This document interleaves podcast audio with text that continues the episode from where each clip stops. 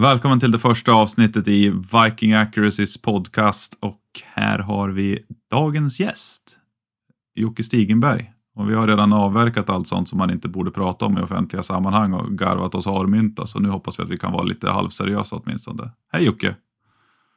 Hej! Jag Hej. tycker inte att vi har pratat klart om allt det egentligen. Utan Nej. alla skulle behöva liksom mer, mer glädje och lite dåliga skämt i en vardag. Du, eh, jag tänkte vi skulle snacka lite grann om din eh, rise to fame, eller vad man ska säga, vägen från en eh, 21 plats i Västerås 2018 till att vara smått okrossbar nu 2021. Mm. Det är ju en liten Ja. intressant resa du har gjort där. Med ett, eh, du, har gjort, du tog ju en tredje plats där i eh, 2019 i Vasa. Men eh, utöver det så är ju inte track recorden överdrivet imponerande. Och sen efter coronan så kommer du tillbaka så eh, ja, ganska svår att slå. Hur, eh, det är väldigt många som undrar om hur du har lagt upp din träning under den här tiden. Alltså det...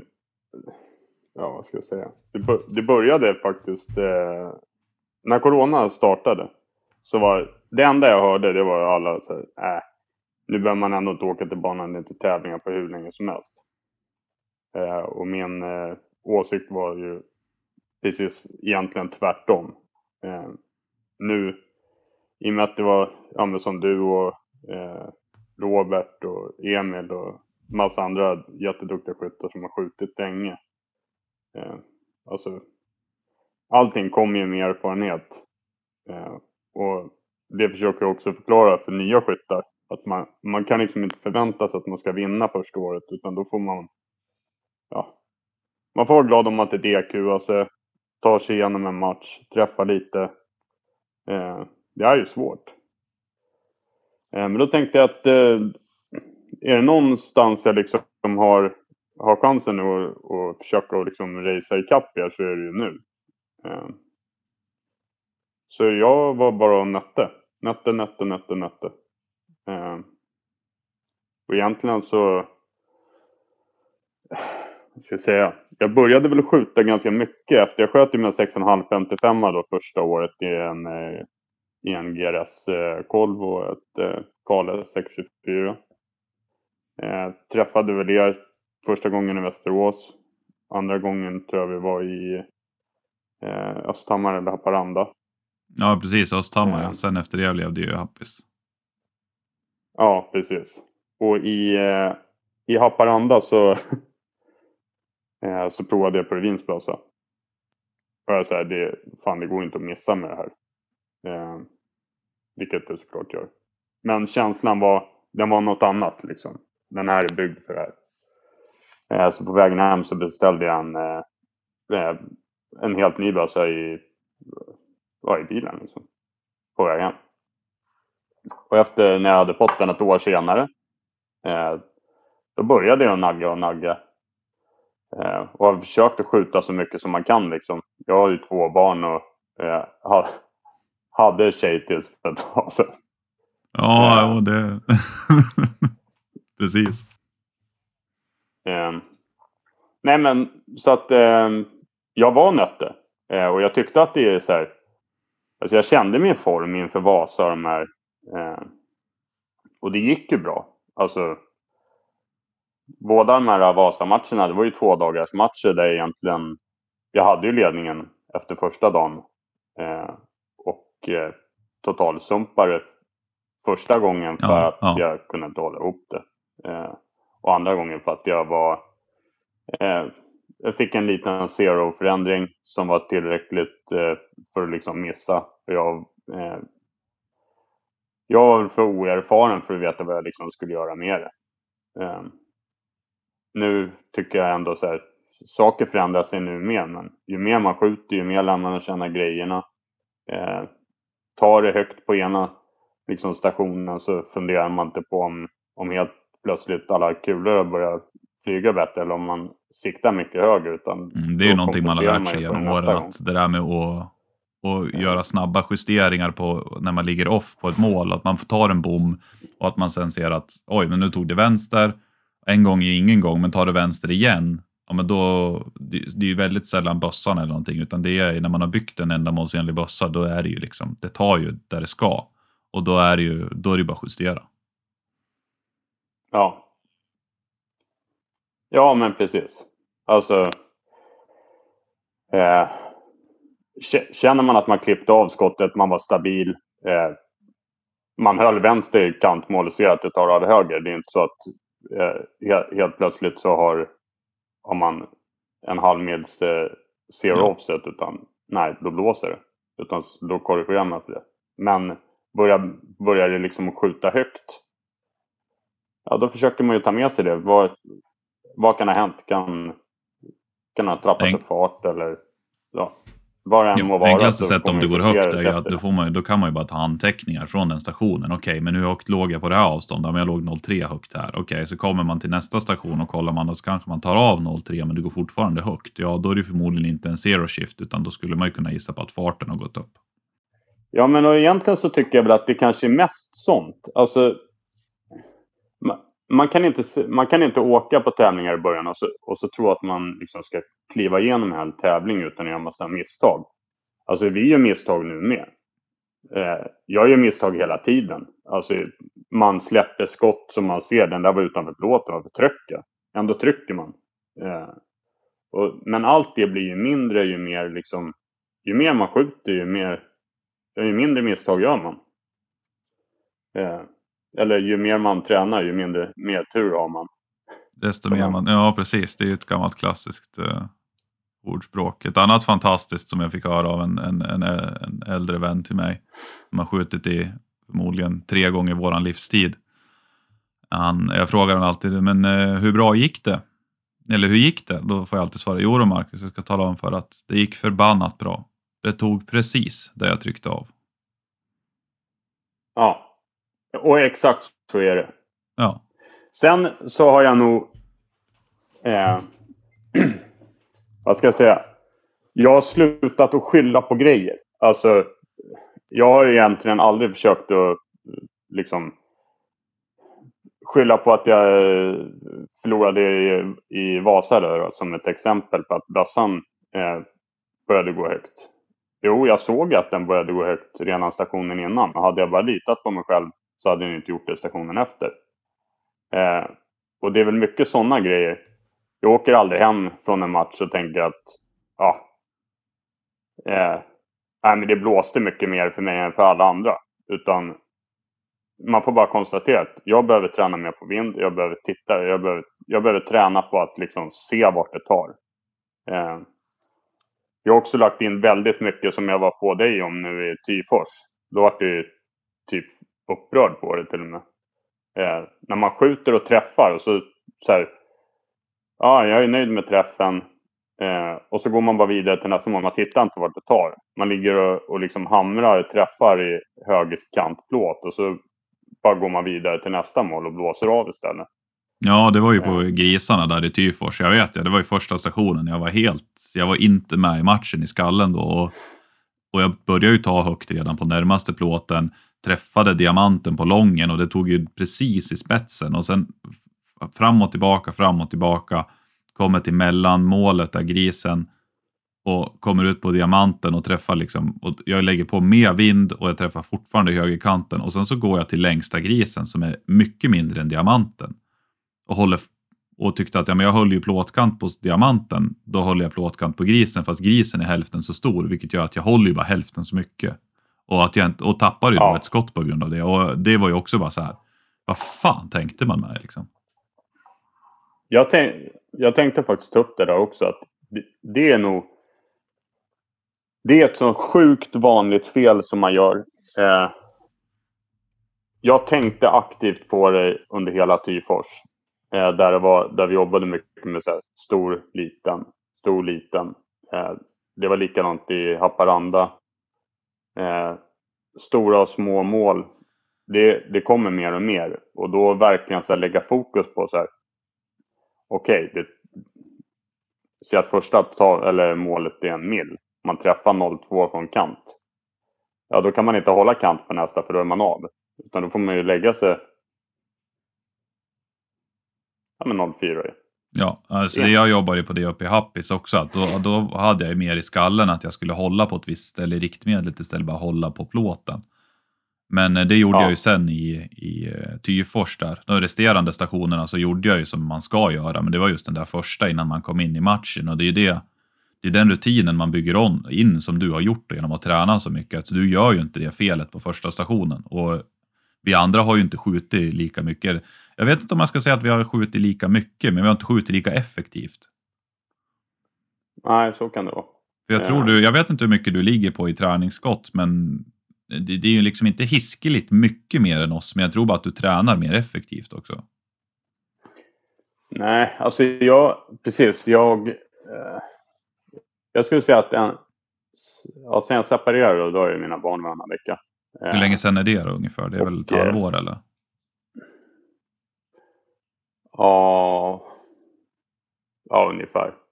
Eh, näst, ja, någonstans mellan ett halvår och ett år. Eh, och sen dess har ju barnen då varannan vecka. Eh, så den veckan tränar jag inte alls.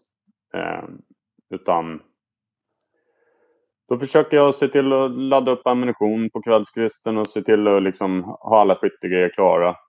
Eh, och sen så försöker jag under sommaren, ja men får man tid över en tisdag liksom, då drar jag dit. Annars brukar jag försöka att, hålla det till att det är där onsdagar och lördagar den veckan som jag inte har barn. Mm. Eh, onsdagar beroende på lite hur snabbt man kommer hem från jobbet nu då, eftersom det börjar bli mörkt. Eh, men eh, så jag tränar inte jätte, inte jätte, jätte ofta utan jag bara försöker att träna på det som jag är dålig på. Eh, jag försöker att träna på eh, Märker att jag träffar för mycket, då byter jag och så skjuter jag på en mindre plåt den dagen.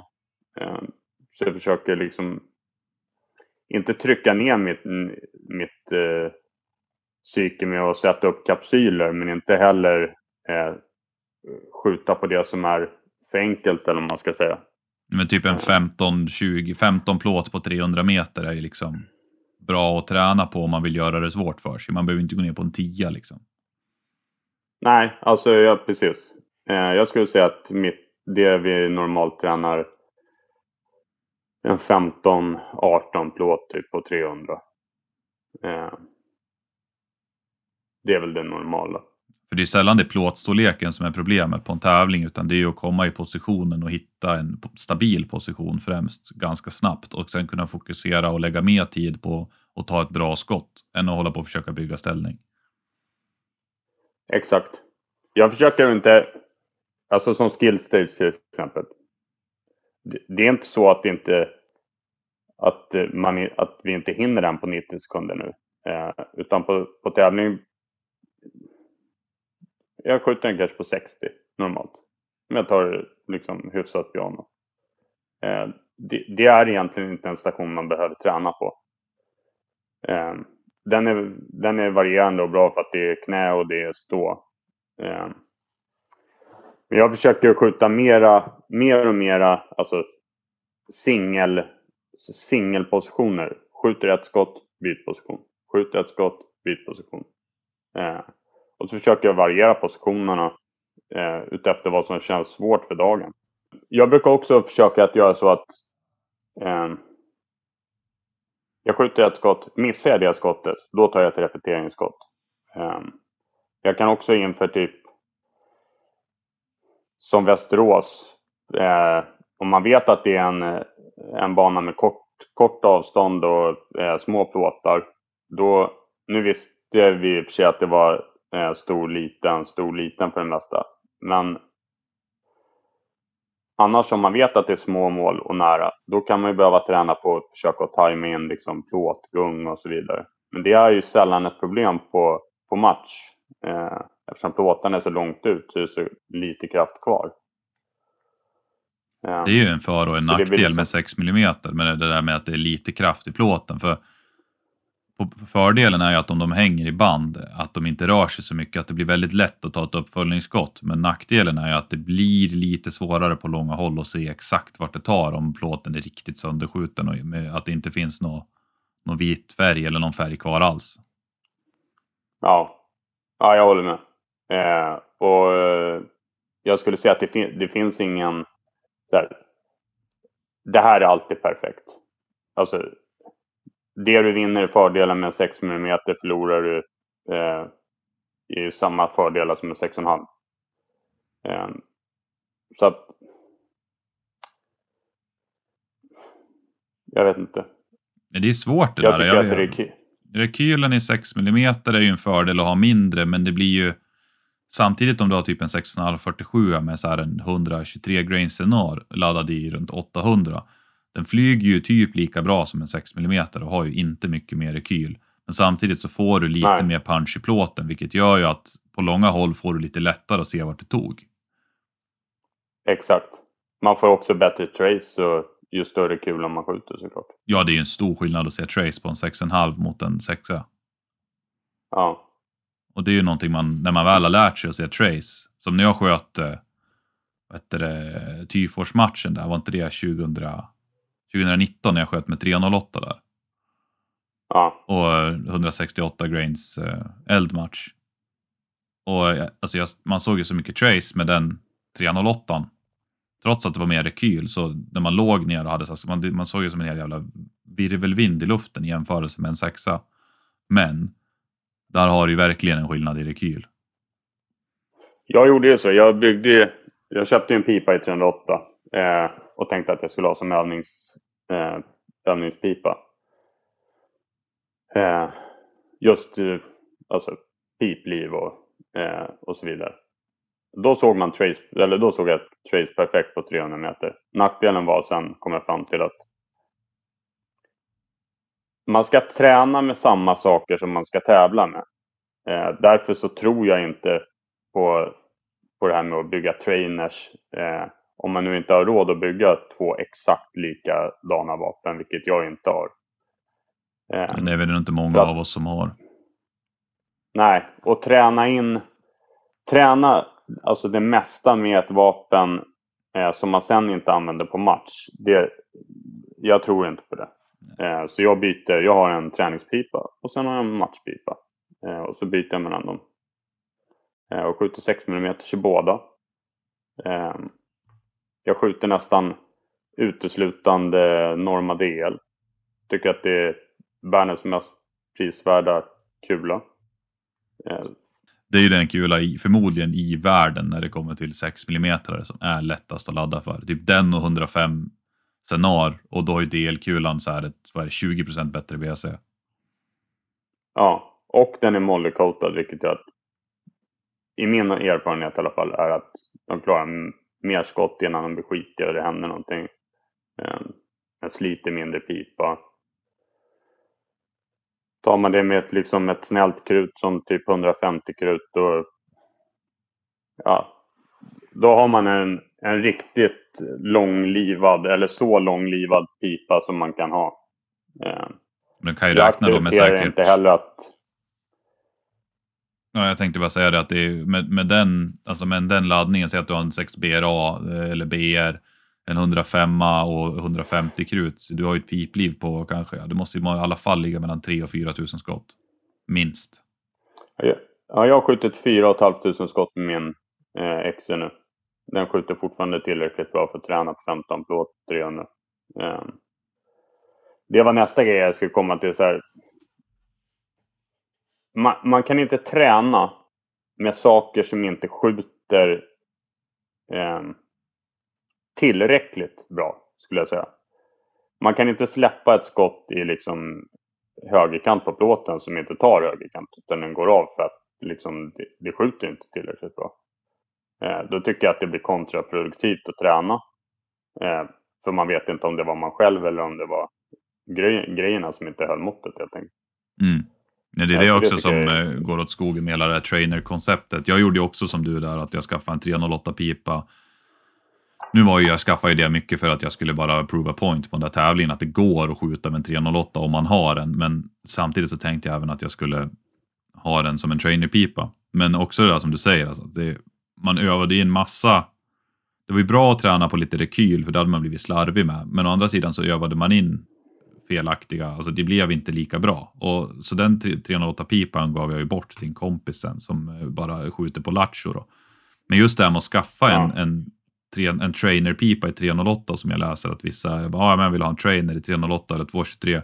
Och sen vill de mata den med någon form av billig fabriksammunition som knappt håller 30 milli på 100. Men eh, det blir ju väldigt kontraproduktivt och det hjälper ju inte med träningen och det är definitivt inte billigare för du har redan köpt en ny pipa för förmodligen monterad och klart 10 000 kronor och sen så ska du ha ammunition till den. Men man får jävligt mycket skott Ja. till en 6 mm för 10 000 spänn. Ja, men det är lite det, det jag menar. Och jag, alltså, jag hävdar likadant med 283. Så här, ja, det är billigt att skjuta. Ja, det skjuter oftast tillräckligt bra. Men rekylen i en 223, den är ju, den är ju extremt lite. Även om man liksom jämför den mot en snällt laddad 6 mm. Eh, det är ju, jag skulle säga att nästintill ingen rekyl. Då skulle man behöva plocka bort bromsen. Eh, tar man bort bromsen då vänjer man sig bort vid smällen. Man eh, börjar flincha när man sätter tillbaka matchpipan. Ja, jag, jag kan liksom fortsätta hur länge som helst med allt det jag ser som är negativt med att inte eh, tävla med samma grejer som man tränar med. Ja, nej men samma sak där med att se trace som vi pratade om tidigare. Om du då skjuter med en 308 och är van att se trace jättelätt och sen går ner på sexan så då kommer du aldrig att se trace. Och skjuter en 223, det är ännu svårare att se trace vilket gör att du kommer förmodligen aldrig att lyckas. Så hur du än vrider och vänder på det så kommer du aldrig vara van att se det du vill se i kikarsiktet för att hitta tracet på din 6 mm. Eller din tävlingsbössa om du har 6,5. Nej, exakt. Nej, jag, ah, vi kan väl nästan lämna det. Men eh, samma grej, man tränar med samma grej man tävlar med. Ja, Eh, så är jag i alla fall. Eh, och jag kan inte säga hur alla andra ska göra såklart. Alla är olika men de, för mig är det liksom. de, flesta Det av oss, de flesta av oss som tävlar nu på hög nivå gör ju det. Alltså vi, vi har ju same shit liksom. Och Ja. i bästa fall har man två piper och så skjuter man den ena tills den dör och så vårdar man matchpipan ömt.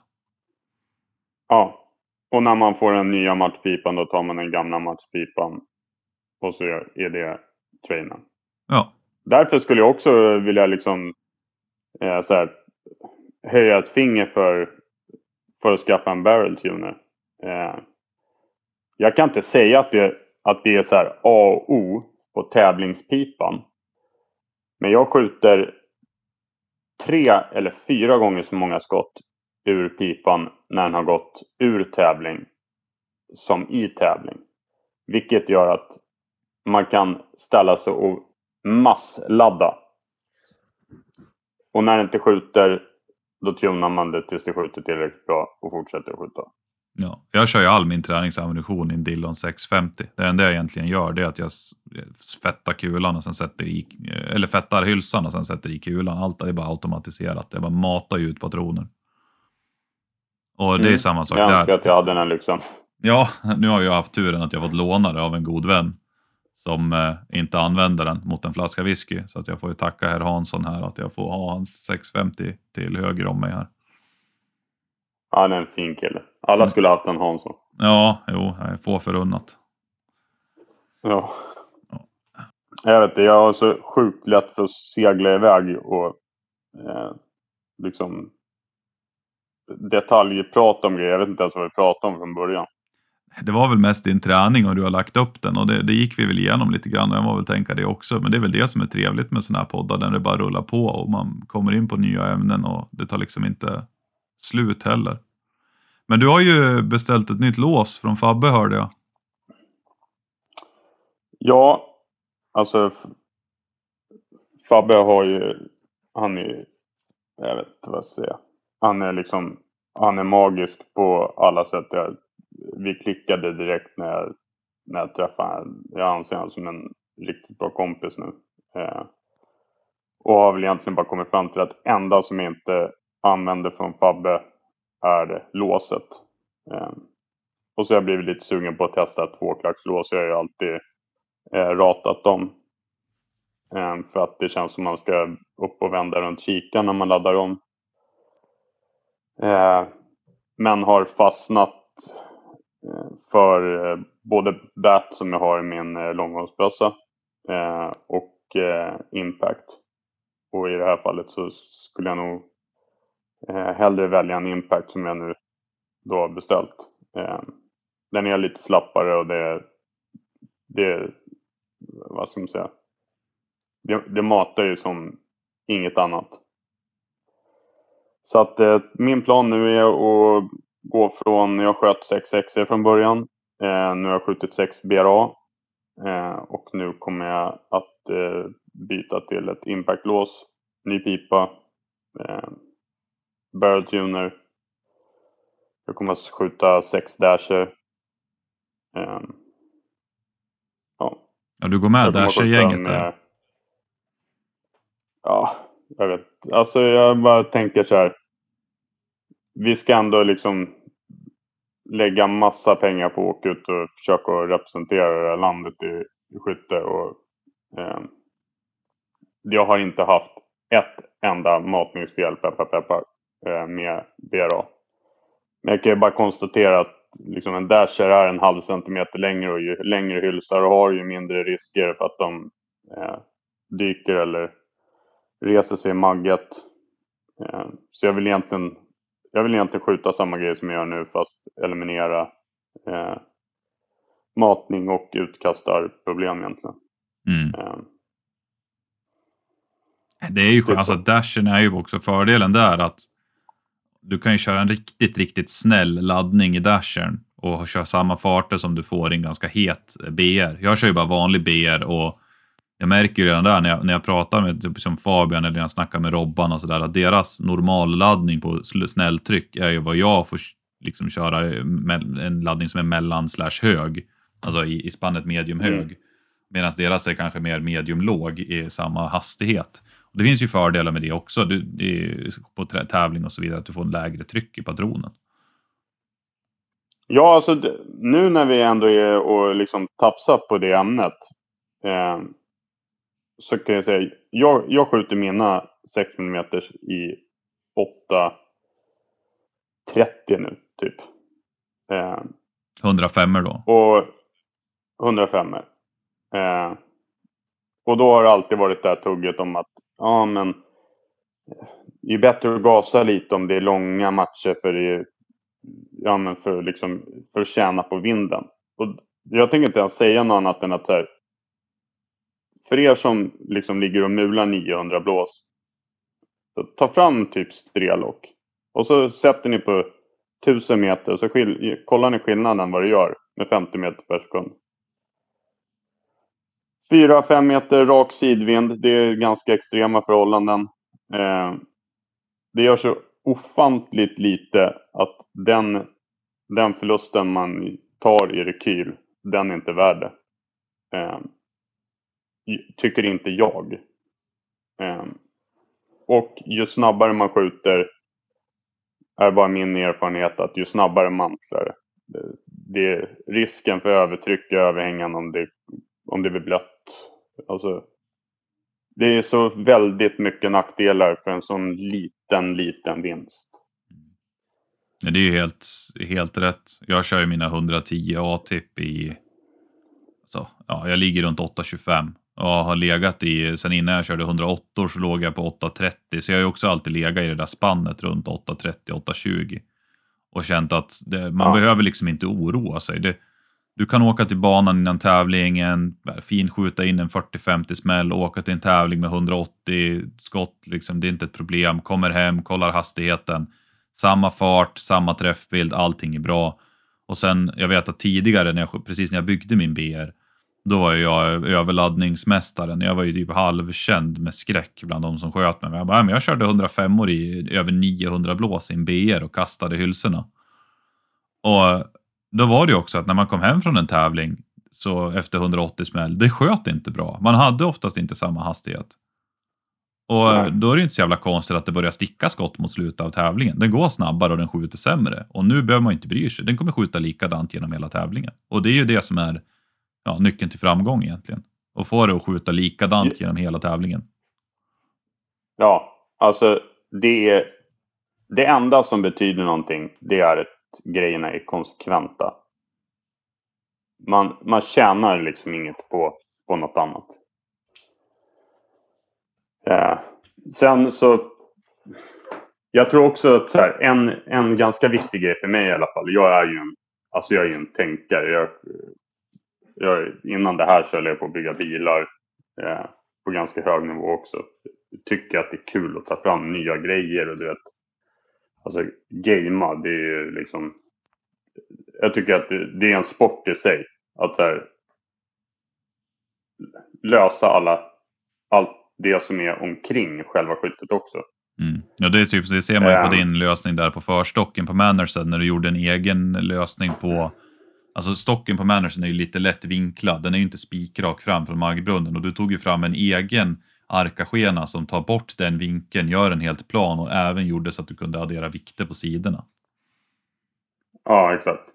Um, men sen, och, det, och sådana grejer, det tycker jag ju fortfarande, jag kommer inte sluta hålla på med sånt där. Um, men jag var också lite så på tävling att man stod där och bara, ja men eh, där ska där ska jag köra benstöd, där ska jag köra säck. Eh, vill gärna eh, liksom få in en tripod där också om det liksom var möjligt. Även fast jag aldrig tränar med det och varje gång jag använder det så går det åt helvete. Eh, men det har jag också helt slutat med. Utan jag har bara kommit fram till att jag kör säck på allt. En säck och benstöd. Det ser man ju, eh, alltså jämför man med, det var ju en period där det var liksom, det var alla påsar, cuddlebags, cuddlebags har ju fortfarande sin plats. De fyller oftast, alltså det är väldigt sällan, man tar med sig en fram bara utifall det skulle behövas att man behöver luta sig mot någonting. Men oftast, alltså, Ja. alla, det såg man ju till exempel i Tyfors då, vi såg det även i Östhammar när de liksom blev någon form av super squad. Att alla som placerar sig där uppe i toppen kör ju bara en frontsäck och det är ofta typ en Armageddon Gear, WeBad och vissa kör ju med Petit eh, peluche-säckarna. Och ehm, det blir ju, det är en säck och benstöden som regerar. För att då, det, man ska ju tävla med det man tränar med och tränar du bara med den säcken så blir man jävligt duktig med den. Ja. Och det mesta går att lösa med en säck. Och man tänker ofta att det ska... Man tänker ofta att man ska tjäna massa tid på att hålla på och fippla med massa olika grejer. Det slutar bara att man håller på och krånglar och grejerna är i vägen. Och, nej. Det blir sällan liksom bra. Det hade bara varit bättre och Precis som med bössan. Tävla med det du tränar med. Ja, Håll inte på och liksom tafsa in massa grejer som, som ser bra ut för någon annan. Bara, oj, det där var en sjukt bra lösning. Ja, det var det för han, för han kanske tränar med det. Eh, men för mig är det inte det. det ser man ju på så här filmer från USA också, de som, de som rullar med tripod och är sjukt effektiva. Jag, menar, jag försökte ju ett tag att få in det här tripod-rörelserna och så jag, ble, jag blev aldrig bra. Alltså jag, det tog ju så mycket tid från resten och jag tyckte att nej, det, jag behöver fan inte det. Och visst, det blir och schysst. jag- Alltså, har du en frontsäck som du klämmer fast på arkan, du lägger den på en stock och sen så får du in liksom tripoden där bak. Ja, det blir ju bänkskytte, det är ju helt still. Men oftast har du en station på, på 90 eller 120 sekunder och så har du spenderat 40 med att bygga positionen för två skott. Exakt. Och det här har jag och eh, Purvins har diskuterat det ganska många gånger. Eh, där min liksom från början ställning var så här, jo men vad fan hur svårt var det? Du sköt den ju liksom med tripod. Ja, varför gjorde inte du det? Eh, ja, det är en bra fråga. Eh, Ja, så alla har ju samma möjligheter. ja, och det slutar alltid på samma sätt. Jag tränar inte med det. Där jag tränar har vi betonggolv. Eh, Robban är ju duktig med tripod. Eh, han använder det också väldigt mycket mindre nu. Vad jag, vad jag liksom själv kan åskåda i alla fall. Eh, Ja, vi har inte han sett han använda... med det. Ja, gud ja. Men vi har inte sett han använda tripods här i någon utsträckning på någon tävling i år skulle jag säga. Nej, inte jag heller. Och, jag menar, och han är duktig på det. Eh, jag är inte duktig på det. Utan det slutar med att så här, jag förlitar mig på, jag bygger hela positionen med en förlitning på att jag ska kunna ta stöd av tripoden. Eh, och det slutar med att två ben står i luften för att man fastnar i någon liksom, jordhög. Och inget blir stabilt istället. Nej. Eh, så att, ja. Men sen lär man sig liksom med den där påsen att när du får till, du har en bössa som är så här hyggligt balanserad. Det är ju vad man vill ha balansen i upp till var och en. Jag tycker om att ha min lite närmare maggbrunnen och andra vill som du, du vill ju ha den helt fritt sådär. Alltså att det beror på hur man vill styra bössan med vilken hand och skjuttekniken. Men när du väl har fått en bra påse, alltså som någon av dem som jag nämnde tidigare, och sen lägger du upp en bra balanserad bössa. Det ligger fan still. Ja, det gör det. Och alltså teoretiskt sett hade det inte varit så att man behövde liksom faktiskt också se vart det träffar. Alltså så här, med ett, med ett bra vapensystem och en bra säck och jag hade riktat in bössan, då hade min liksom, nioåriga grabb kunnat lagt in den träffen. Problemet är ju att man måste också se vart man missar. Eh, eller träffar för den delen. Så att man kan liksom inte, man kan inte hålla på och frirekyla eh, hejvilt heller. Men bössan hade ju klarat av det. Alltså man, hade man ställt upp grejerna, avlossat skottet, man, man hade ju inte behövt titta om det träffade. Nej, nej, nej, precis. Men det där med frirekyl är ju lite av ett ondo också. Det är ju väldigt sällan det, det oftast är det en sista lösning för att du är i en position som du typ inte kommer ner i. Och eh, så måste du lösa det på något vänster och du kommer inte ner så djupt, du kan inte vara så. När du väl har kontakt med bössan så hänger du liksom ner på ett så konstigt sätt att du bara skakar. Ja, då får man ju lösa det med fri rekyl, men det är verkligen sista utvägen. Ja, jag håller med. Då, och och jag, när jag gör det och gör det, eh, då backar jag av precis så mycket så att det inte liksom pulsen eller liksom det som, det som skapar obalansen eh, rör bössan. Eh, så att den liksom kan slå tillbaka direkt i kroppen och på så sätt då försöka fånga upp vart det faktiskt tog. Mm. Ja, det är ju det, egentligen hela den här sporten handlar egentligen om att bara se vart fan kulorna tar. Och sen kunna ja. göra korrigeringarna. Och ser man inte vart det tar, då är det svårt. Då är det svårt. Och vi har mycket svåra sådana matcher i Sverige. Vilket gör att jag har ändå en tro eh, om att svenskar är eh, generellt alltså, duktiga. Vi, vi kanske inte har mest extrem vind, men vi har oftast ganska liksom, okonsekventa vindar tycker jag. Eh, nu säger jag inte att de inte blåser åt olika håll i något annat land. Eh, men ofta, vi har ofta liksom skiftande lätta till, till liksom tunga vindar och sen så har vi liksom mycket grönska och det, det är svårt att se vart det tar i grönska. Eh, hade man legat på en, eh, en skjutvall, ja då ser du ju exakt vart det missade. Gör korrigeringen, nästa borde träffa om inte förhållandet har ändrats. Liksom. Ja, precis. Nej, men jag, jag, jag tror att vi eh. kommer att göra bra ifrån oss på VM därför att eh, om man jämför till exempel med jag var ju över till USA och tävlade där 2018 och kom väl på en 21 plats eller något sånt där. Och det var ju jag jättenöjd med då. Alltså det var helt fantastiskt. Men det jag märkte också var ju att det här var ju i Montana så det var ganska högt upp med ganska klar och fin luft. Och det var ju jättelätt mm. att se Trace av någon anledning. Allting var ju så här, det var ju på sent, typ augusti-september. Och det var jättelätt att se nedslagen för att det var torrt och jävligt. Ja. Och, och, vinden var nästan konsekvent från höger till vänster och väldigt icke-pulserande. Eh, och där varierar ju självklart vart man skjuter. Alltså du har ju som syd, sydöstra USA där nere. Där är det ju lite mer som hos oss med pulserande vindar och skjutgator och vegetation. Så de har ju lite mer som här. Men just där uppe i, nordvästra så var det ju verkligen ganska lätt att se. Det. Det, är, det är ganska roligt för jag har typ, jag, alltså jag har aldrig lyssnat på en podd. Eh, och sen eh, eh, så sa Johan Eriksson till mig typ vad, vad kan det ha varit, måndags. Lyssna på Wibbert och Pinch. De, eh, ja, men det, det är liksom kul att lyssna på. Vi har satt på jobbet. Jag slog igång den här och de pratade just om det här som vi pratar om nu. Eh, Wibbert hade varit iväg någonstans nu och han sa att det var liksom hemskt.